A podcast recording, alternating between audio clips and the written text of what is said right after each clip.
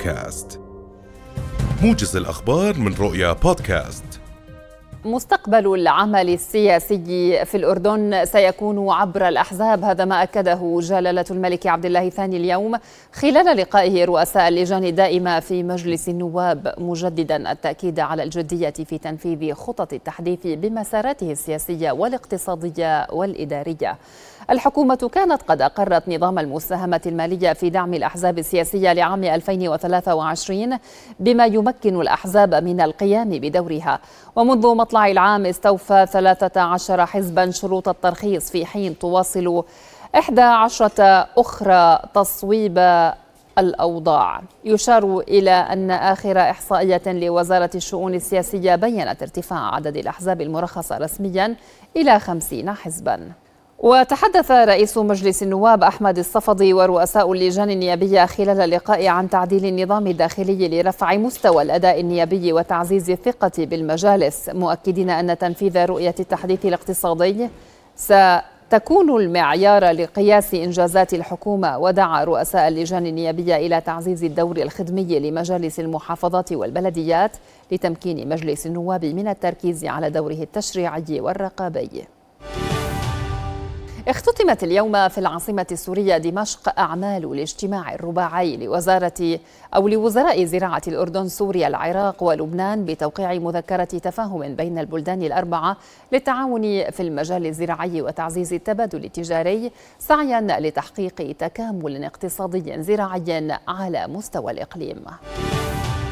في أول خمسة أيام من الشهر الفضيل ضبطت وزارة الصناعة والتجارة 98 مخالفة في الأسواق. 19 منها مرتبطة بعدم التزام أو التزام البائعين بالسقوف السعرية لمادة الدجاج. مخالفات السقوف السعرية للدجاج خاصة النتافات سجلت في محلات بأطراف العاصمة ومناطق في المحافظات. الناطق الإعلامي باسم وزارة الصناعة والتجارة ينال البرماوي. أرجع ذلك إلى عدم التزام مزارع الدجاج بالسقوف المحددة فضلا عن عدم تزويد التاجر بفواتير تحتوي على معلومات عن المورد وعنوانه. وحددت الوزارة الأسبوع الماضي سعر كيلو الدجاج الحي للنتافات باب المزرعة بدينار وخمسة وأربعين قرشا وللمستهلك بدينار وخمسة وستين قرشا. فيما حددت سعر الدجاج الطازج للمستهلك بدينارين للكيلو. بدأت وزارة الصحة بتقديم خدمات القسطرة القلبية في مستشفى الزرقاء الحكومي من خلال وحدة قسطرة القلب التي استحدثت مؤخرا بكلفة مليوني دينار. وجرت في الوحدة خلال الأسبوع الماضي عملية قسطرة مبرمجة. زرعت من خلالها شبكات قلبية لعدد من الحالات المرضية.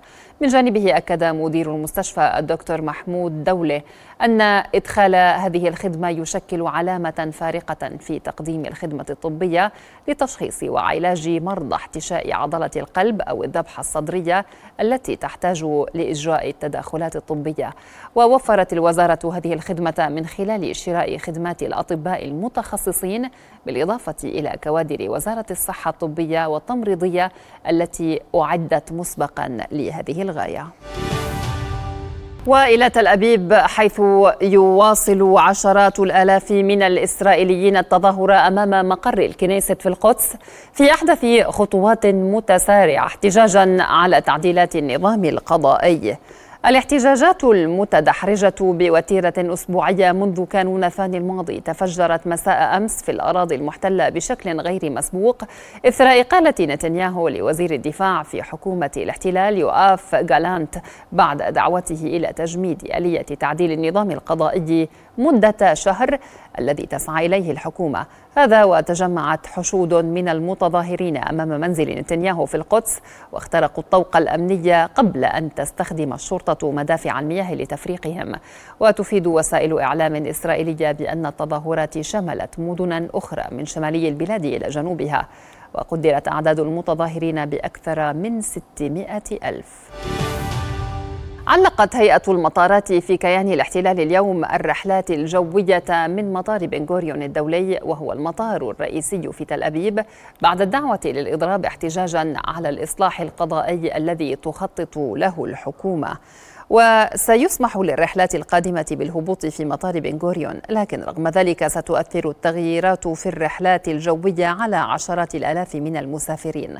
وكان رئيس نقابة العمال بار ديفيد قد أعلن في وقت سابق أن الإضراب سيبدأ اليوم إذا لم يعلن رئيس وزراء الاحتلال بنيامين نتنياهو وقف الإصلاح القضائي المثير للجدل داعيا إلى إضراب عام وفوري ردا على مشروع الإصلاح القضائي المقترح من قبل الحكومة والذي يثير احتجاجات واسعة في البلاد. بعد أن أثارت أزمة التوقيت في لبنان انقساما كبيرا خلال الساعات الماضية قرر مجلس الوزراء اللبناني اليوم اعتماد التوقيت الصيفي اعتبارا من ليلة الأربعاء على الخميس المقبله. من جانبه رئيس الوزراء نجيب ميقاتي قال في كلمة له إن المشكلة ليست بعقارب الساعة وإنما بفراغ سياسي تتحمل مسؤوليته قياده سياسية. فالأزمة التي خلفتها الحكومة اللبنانية أربكت الحياة ووضعت اللبنانيين أمام هم جديد.